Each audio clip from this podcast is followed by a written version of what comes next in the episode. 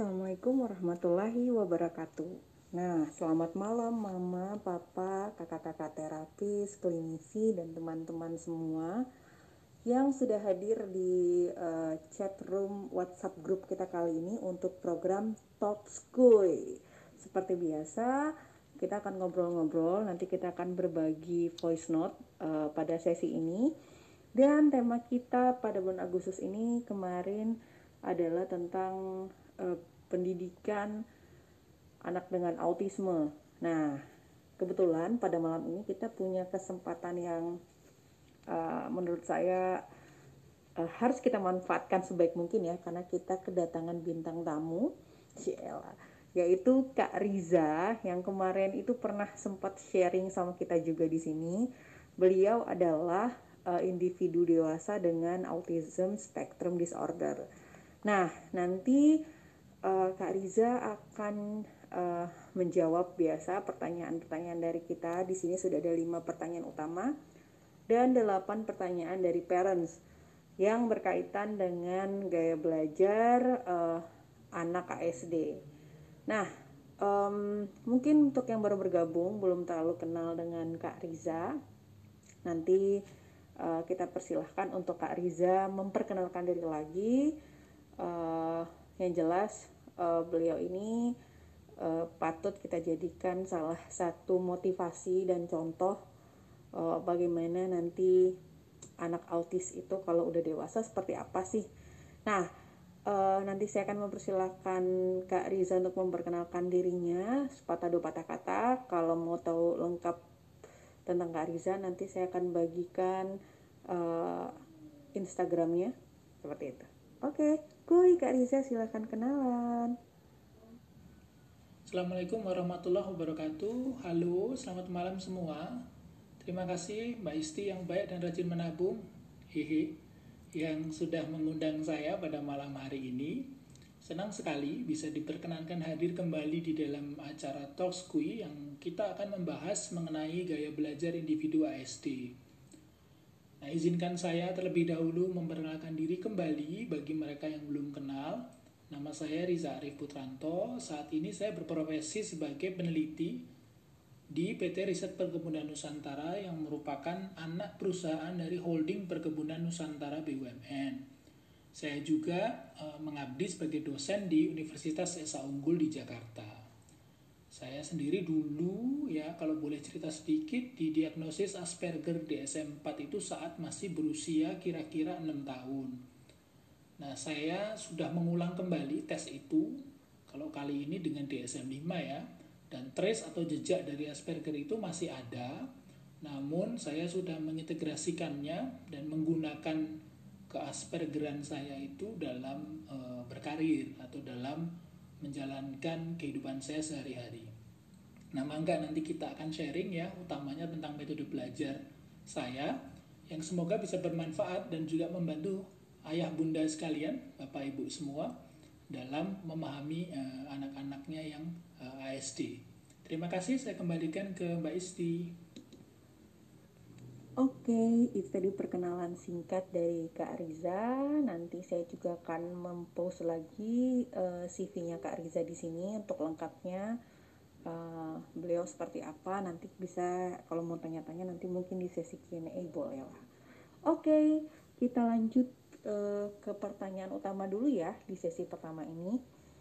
Uh, ini adalah pertanyaan utama dari Q&A utama ada lima nanti Kak Riza akan menjawab satu persatu. Nah pertanyaan pertamanya adalah apakah dulu Kak Riza pernah mengalami kesulitan belajar?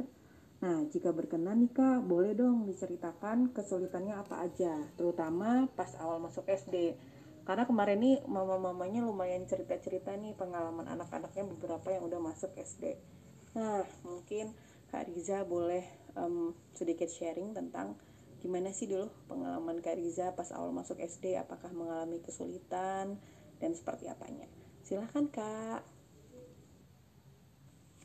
Saya coba ingat-ingat ya Mbak, karena sudah lama tuh SD ya. E, mungkin kalau boleh dirangkum, kesulitan pemahaman auditori lah ya ketika guru ngomong atau guru menyampaikan uh, pelajaran Kemudian yang saya masih sangat ingat itu kesulitan uh, untuk menghitung. Saya membutuhkan waktu lebih lama dari siswa lainnya, bahkan sampai di rumah tuh kadang-kadang kepikiran. Kesulitan belajar saat SD lainnya sih lebih ya tadi ya lebih kesukar memahami informasi dari guru. Tapi lebih-lebih kalau diminta balik menyampaikan jawaban itu biasanya saya gagu gitu di depan kelas. Sangat-sangat kesulitan. Nah kayaknya itu sih utamanya uh, kesulitan pemahaman informasi itu ternyata berimbas kepada eh, hubungan pertemanan saya dengan uh, satu kelas karena penerimaan mereka itu agak berbeda gitu kepada siswa yang agak mengalami kesulitan kira-kira begitu Wah, ternyata Kak Riza juga memiliki kesulitan nih mama papa. Tadi udah sharing kan beliau dari Q&A yang pertama bahwa mengalami kesulitan dalam belajar matematika dan juga memahami informasi dari guru.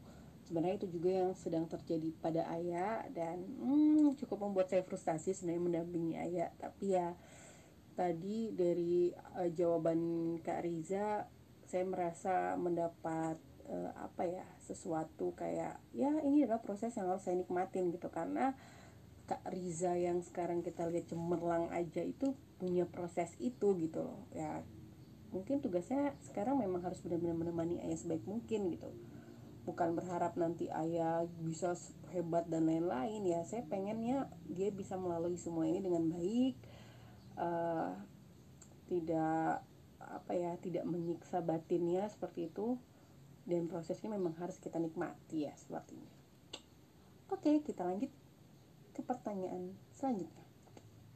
Oke, kita lanjut pertanyaan kedua ya. Nah, di pertanyaan kedua, pertanyaannya apa yang dilakukan oleh orang tua Kak Riza untuk membantu kakak belajar dulu saat sekolah? Terutama mungkin di awal-awal ya, sekolah dasar yang basic banget. Nah, mungkin boleh diceritakan Kak. Kuy. Ibunda sih dahulu yang selalu mendampingi belajar ya sabar mengajarkan saya segala hal yang terkait pelajaran formal. Menurut beliau sih uh, dulu saya sukar banget diajari, sering tantrum istilahnya atau ngambek, apalagi saat diminta untuk berpikir keras. Tapi setidaknya juga menurut beliau hal ini saya alami itu sampai lulus SD lah, jadi agak-agak sulit lah gitu ya. Dengan progres yang menurut beliau so-so atau standar saja. Di sisi lain hmm, ayah saya mengajarkan aspek-aspek non formal seperti pernah saya sampaikan di sesi talk quiz sebelumnya. Seperti bermain musik lalu memahami bahasa asing dan kegiatan-kegiatan lain yang non formal dan kombinasi keduanya ini ternyata lambat laun membantu saya melewati masa-masa sekolah dengan tanda kutip ya relatif lebih nyaman. Jika dulu saya kesulitan dalam hal pendidikan formal selalu saya alihkan ke hal-hal yang berbau seni. Dan tentu saja itu ayah saya mendorong untuk ke situ.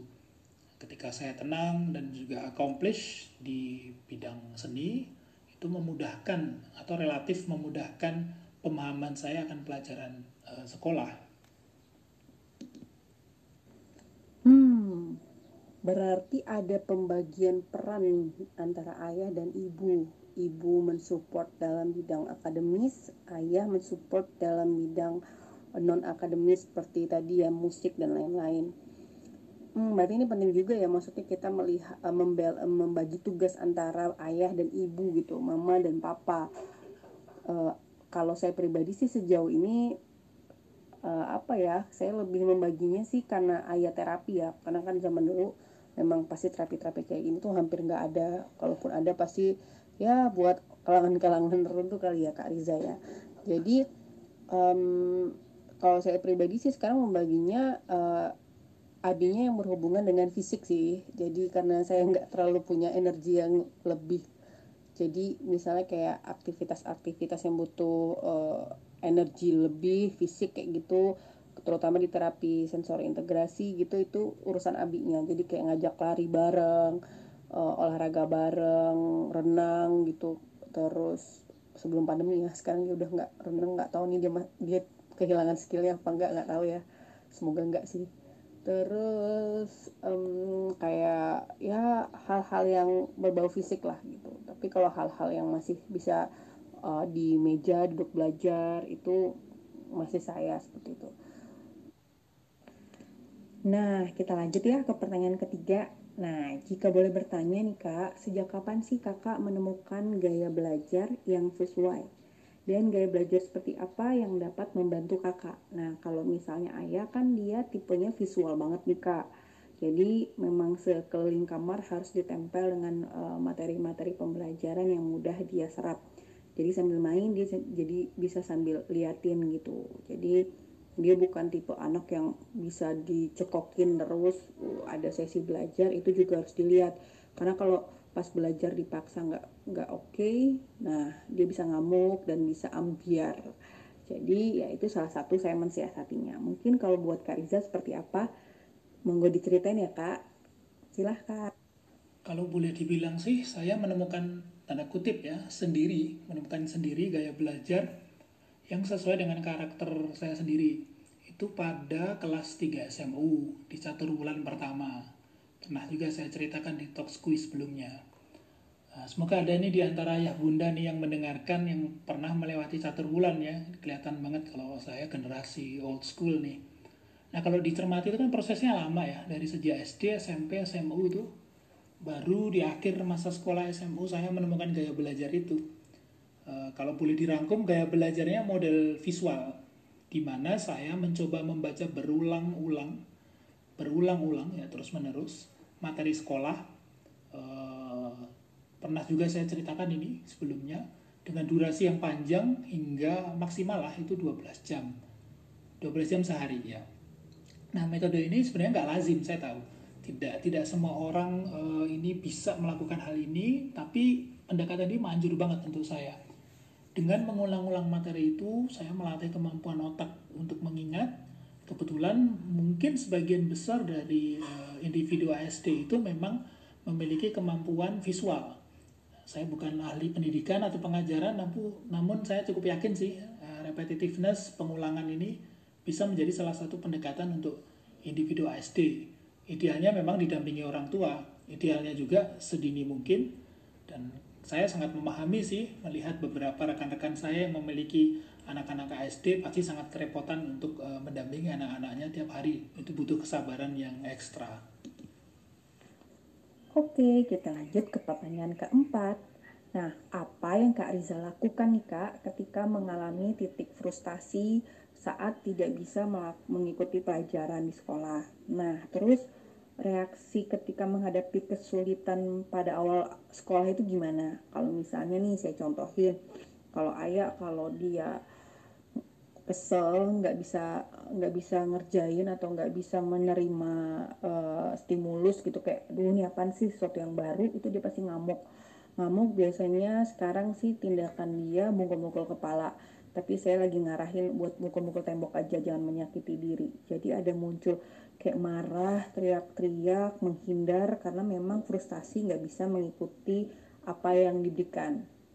Jadi kalau tipe ayah itu sekarang nih karena dia baru masuk SD, misalnya besok belajar apa, nah malamnya itu harus dipaparin dulu. Besok kita belajar ini loh. Jadi pas uh, online dia nggak kaget. Nah ketika pernah saya lupa, maksudnya saya udah capek banget akhirnya nggak saya paparin. Besok pagi memang selama sesi online dia pasti ngamuk-ngamuk karena merasa ini apa kok ini aku belum pernah lihat gitu nah kalau pengalaman kak Riza seperti apa silahkan kak Kuy Oke, okay, uh, eh, reaksi saya kalau menghadapi kesulitan akademis pas SD SMP ya terutama ya nangis. Kayak anak-anak pada umumnya kan. Teman-teman saya waktu itu sih bilang kalau saya perasa ya memang begitu. Sampai sekarang juga masih. Nah, ayah saya itu selalu sampaikan kalau mau berekspresi seperti nangis, teriak ya gak apa-apa dilakukan aja agar agar uh, menurut beliau sih perasaannya lebih nyaman. Nah, kebetulan dulu saya kan tinggal di Surakarta ya saat SD dan kami punya halaman belakang dulu lumayan besar, ada pohon-pohon begitu. Jadi saya biasanya lari ke halaman belakang ke pojok begitu lalu saya berteriak-teriak gitu, melampiaskannya di situ. Nah, ketika perasaan saya sudah agak tenang, kemudian saya kembali ke meja, lalu mengerjakan PR atau belajar, itu perlahan-lahan muncul rasa nyaman, kayak kita e, menemukan kembali ritme begitu. Nah, perasaan yang nyaman itulah kalau sudah muncul, maka perlahan-lahan saya juga bisa fokus dan kembali belajar atau mengerjakan PR hingga selesai. Uh, kalau boleh nih saya cerita ada satu kejadian lucu waktu itu. Kalau boleh dibilang lucu sih. Saat saya SD kelas 6 itu diminta guru untuk membuat prakarya berupa pot dari bohlam bekas. Jadi mungkin di antara ayah bunda yang mendengarkan nih mungkin ada yang pernah membuat atau mengalaminya. Jadi bohlam bekas itu yang seperti itu ya bentuknya bohlam itu dilubangi bagian atasnya kemudian dibersihkan dari kawatnya kemudian pecahan kacanya. Lalu diisi air gitu diisi tanaman diikat dengan kawat pada triplek ya waktu itu. Nah saat itu hampir satu rumah itu ayah bunda saya saudara-saudara eh, paman ada bibi juga itu bergotong royong untuk membuat itu. Bisa dibayangkan itu sulit banget membuat bohlam supaya tidak pecah karena kan ketika kita membuka bohlam itu kan harus dipukul. Jadi dia kadang pecah gitu di bawahnya. Kita pukul atasnya pecah di bawahnya. Dan itu sampai menghabiskan puluhan bohlam tuh. Bahkan ayah itu sampai beli itu. Beli bohlam satu kardus hanya untuk membuat itu bohlam baru ya bukan bekas ya. Jadi saya menangis tuh setiap kali ada bohlam pecah tapi ayah selalu sampaikan ini baru bohlam ke 21 gitu katanya. Nanti yang ke 22 juga bisa. Eh yang ke 22 pecah. Terus beliau bilang ah nanti yang ke 23 juga bisa Sampai akhirnya saya menemukan cara itu untuk membuat pot dari bohlam itu tanpa memecahkannya, tanpa memukulnya. Kalau nggak salah itu puluhan lah, saya nggak ingat mungkin lebih dari 30 ya. Bohlam pecah itu sampai menemukan e, cara untuk membuatnya. Nah hal, hal seperti itu selalu ditanamkan tuh sama terutama ayah saya ya, ibunda saya juga ditanamkan bahwasannya eh, kalau kita tidak tahu akan sesuatu hal itu lebih baik kita tekun menjalaninya lalu kita akan dapat solusinya itu biasanya kalau kita tekun. Nah tentu saja saya yakin itu pasti waktu itu berat banget ini untuk ayah ibu saya. Beli bohlam segitu banyak mereka harus mendampingi sabar berusaha untuk menemukan cara juga. Jadi sepertinya yang belajar e, kala itu tidak hanya saya tapi juga orang tua saya. Wow ceritanya ini banget ya meaningful banget jujur saya dengarnya terharu banget kak Riza. Karena memang benar sih uh, sebagai orang tua di sini saya sudut pandang sebagai orang tua bahwa kita harus meyakinkan anak kita bahwa setiap kegagalan itu pasti nanti ujungnya adalah keberhasilan. Entah itu nanti gagalnya berapa kali ya gitu ya. Dan akhirnya memang di cara keberapa kita akhirnya menemukan gitu loh. Jadi nggak bisa kita tuh kayak yang memaksakan kayak harus cepet-cepet harus cepet bisa gitu. Nggak bisa kita memang harus menikmati proses kegagalan itu kadang luar biasa luar biasa. Dan tadi ternyata mau papa Kak Riza juga cerita nih kalau beliau juga tantrum kok beliau juga nangis kok beliau juga marah kok gitu. Jadi sebenarnya hal-hal itu yang dilakukan anak kita adalah hal-hal yang wajar untuk melampiaskan emosi mereka. Kenapa sih mereka begitu? Kalau yang saya lihat sih karena mereka kan punya keterbatasan menyampaikan apa yang mereka inginkan apa yang mereka rasakan sehingga dengan seperti itu mereka akan lebih lega gitu. Jadi kadang ada yang nanya kalau ayah lagi melting down atau ay ayah lagi tiba-tiba marah frustasi terus ngapain gitu diapain gitu. Kalau saya sih lebih kayak ya udah udah nggak apa-apa cuman bilang gitu terus saya cuman diem aja. Kayak kadang saya biarin karena apa? Karena orang yang sedang meluapkan emosinya tuh tidak butuh ditanya sebenarnya gitu loh misal kalau kayak kita ya individu tipikal pun kalau kita punya uh, masalah psikis gitu lah. Misal kalau saya gitu lagi sumpek banget pengen teriak ya saya ngajak foto kuliah ya saya ngajak teman saya kita ke pantai subuh subuh terus kita teriak. Teman saya tuh nggak ngeluarin satu patah kata yang kamu harus semangat ya kamu pasti bisa ya. Enggak karena kita saat mengeluarkan emosi itu kita cuman pengen orang itu ya hadir dan ya udah gitu nggak usah ngerusuhin dengan pertanyaan kamu kenapa? Kamu apa? Kamu gimana gini itu malah bikin orang tambah frustasi itu diri kita ya nah apalagi anak ASD jadi mungkin memang ya dipeluk didiamkan itu mungkin adalah salah satu uh, cara terbaik untuk menenangkan mereka. Ini nyambung dengan pertanyaan selanjutnya. Kuy Oke, lanjut ke pertanyaan kelima ya kak. Ini adalah pertanyaan terakhir dari Q&A utama. Nah, apa saja nih perlakuan yang dapat membantu Kak Riza meredakan kepanikan? Tadi sudah diceritakan.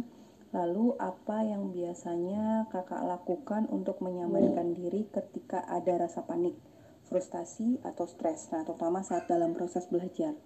Jadi kalau ayah kan uh, sejauh ini sih saya belum menemukan cara yang pas ya karena dia belum bisa berkomunikasi untuk memberitahu apa sih yang membuat nyaman.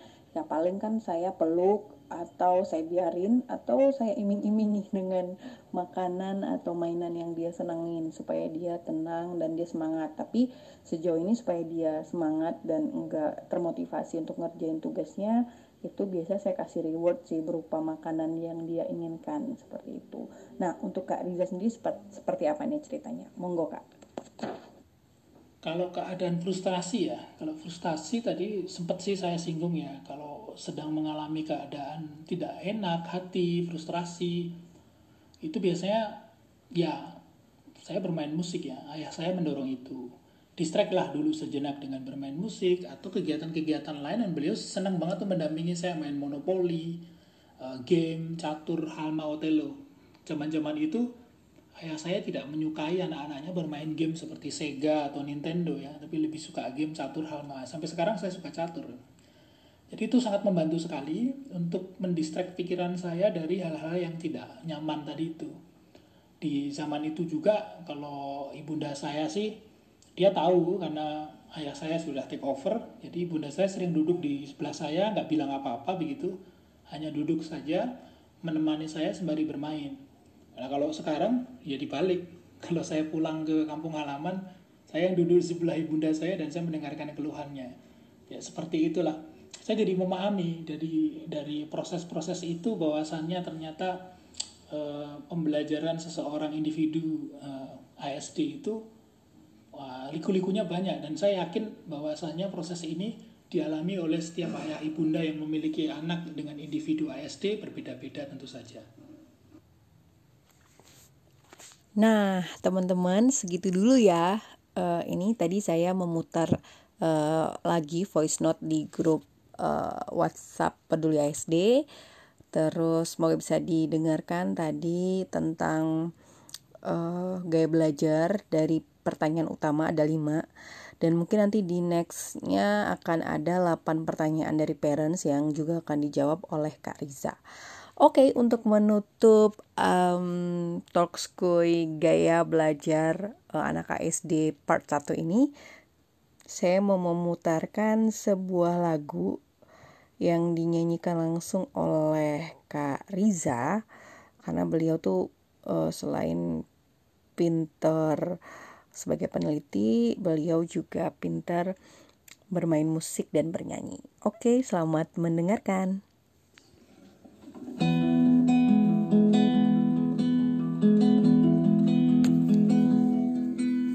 Sandarkan dan ceritakan